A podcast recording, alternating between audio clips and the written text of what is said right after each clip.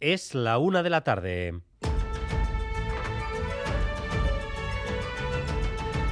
Crónica de Euskadi con Dani Álvarez.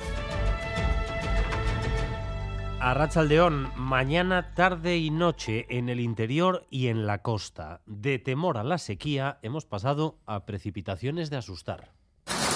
Parecía Mordor, las pelotas iban siendo cada vez más considerables. Ya dura unos cinco minutos y todos los coches están todos con los capós y techos abollados. Tremenda. Ha causado muchos daños en coches. Un tormentón terrible también. Es impresionante. Las tormentas se han convertido en una constante a las puertas del verano y tenemos episodios diarios de mini inundaciones o granizadas. ¿Qué es lo que está sucediendo, Xavier Madariaga? Pues ocurre que las aguas de nuestros océanos están muy calientes por el fenómeno cíclico del niño de un lado y por el calentamiento global de otro, porque el mar absorbe el calor que produce la actividad humana. Ese mar caliente favorece la formación de borrascas a la altura de las Azores y esas borrascas impactan en la cornisa cantábrica, donde nos llegan en forma de rayos y fuertes granizadas. En el Atlántico, en algún lugar próximo a donde se hundió el Titanic, equipos especiales de los Estados Unidos y Canadá buscan el submarino que llevaba a al menos cinco personas a bordo, que habían pagado miles y miles de dólares por ver el mítico barco hundido.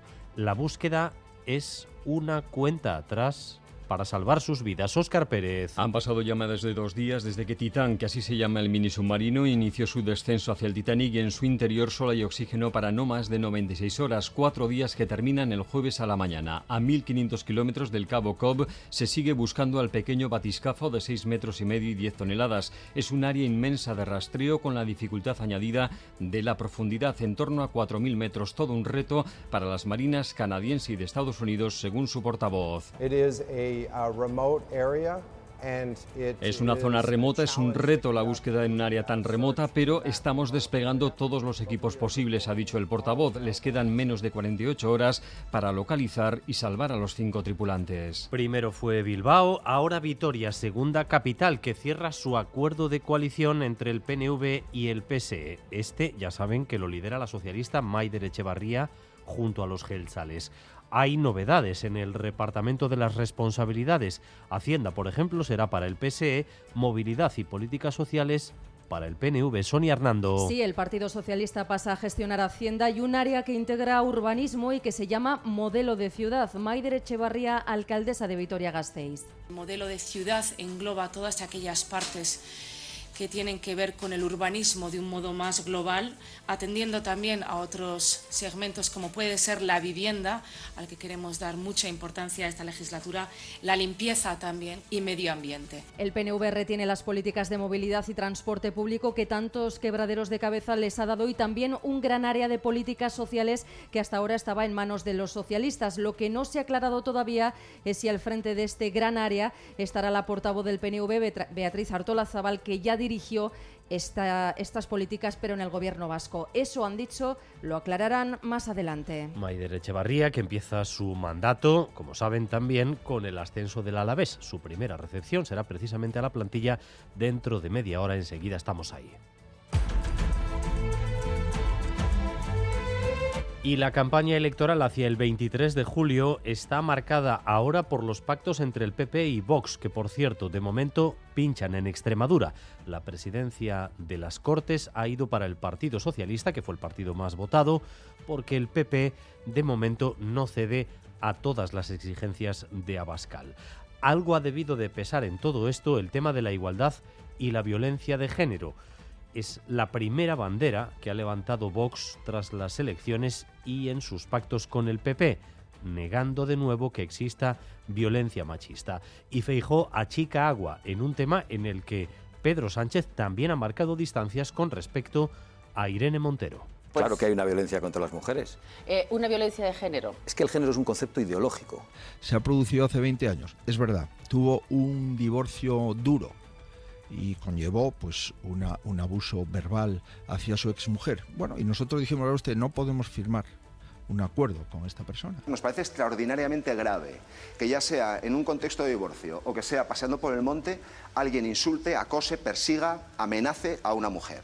hay un ciudadano, y digo ciudadano, es decir, hombres de entre 40, 50 años, que han visto en algunas ocasiones que algunos discursos han sido, eh, digamos, incómodos hacia ellos. Y creo que eso es un error.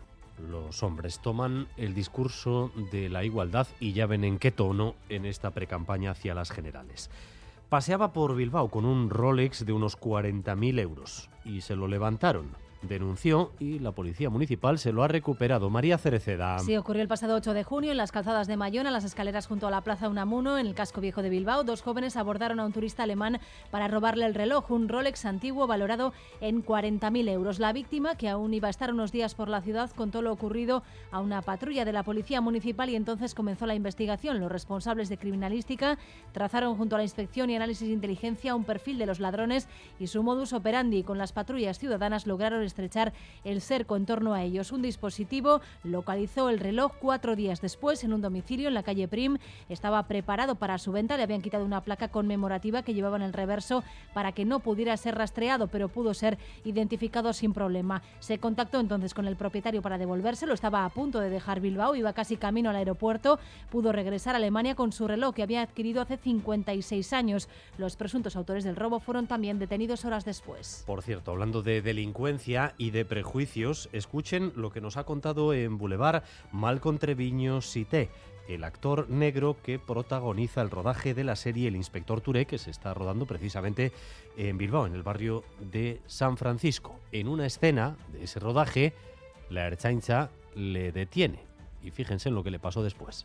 Llegó a la chancha a detenerme y de repente salgo de la secuencia y me para un chaval magrebí y me dice, oye, ¿qué, qué, pasaba ahí con la policía? Digo, no, no, estamos rodando una serie. Y me dice, ¿una serie de qué? Digo, pues una serie para, para mejorar la imagen que tienen de los que, de los que venimos de fuera. O sea, Detective Touré, más allá de ser una, una serie pionera en cuanto a, al actor protagonista, también tiene que ver con la visión que se le da a la gente que viene fuera, ¿no? No siempre es lo malo. Hablando de cine, Cinego, aquel Festival Internacional de Cine y Artes Escénicas LGTBIQ de Bilbao, presenta su vigésima edición que comienza este sábado con 16 películas. Alaitz Aranzana es la directora de Cinegoac. Proyecciones, coloquios, debates, artes escénicas, industria, masterclasses, fiestas y conciertos, todas estas relacionadas con la cultura y la diversidad sexual de identidad y género en un contexto festivo, pero también y sobre todo reivindicativo. Y vamos también con lo más destacado del deporte con César Pérez Gazola. Don César. Arrasando Dani tras el baño de masas de ayer por la tarde en Vitoria-Gasteiz del Deportivo La Vez, celebrando el ascenso a primera con la afición en la Plaza de Virgen Blanca. Hoy es el día de la recepción institucional. El Ayuntamiento, Gasistarra, recepción conjunta del consistorio y de la Diputación a unos jugadores que han recuperado un año después el fútbol de primera para la ciudad y para el territorio de, Araba. El baloncesto, fichaje en el Araski, llega al conjunto de Madurieta, la jugadora alicantina procedente del Ensino Lugo, Laura Aliaga, cuarta incorporación del equipo de Vitoria y también baloncesto porque esta noche se va a disputar el tercer partido de la final de Liga CB de baloncesto. Real Madrid-Barça domina la serie 2-0, el equipo lograna que si repite victoria lograría el título de liga. Y recordamos que a las 12 del mediodía hemos entrado en aviso amarillo por oleajes, una situación que ha provocado medidas especiales en el tráfico donostiarra. El paseo nuevo se ha cerrado a vehículos, los peatones pueden seguir transitando, pero con precaución hasta las 6 de la tarde hora en la que se va a cerrar también en el Paseo Nuevo el paso a los peatones. Además, se han cerrado los accesos al Peine del Viento y el Paseo Leizaola. Esta situación se va a mantener durante toda la jornada de mañana. Gracias un día más por elegir Radio Euskadi y Radio Vitoria. Raúl González y José Ignacio Revuelta se encargan de la dirección técnica y Aichiber Bilbao de la coordinación. Crónica de Euskadi con Dani Álvarez.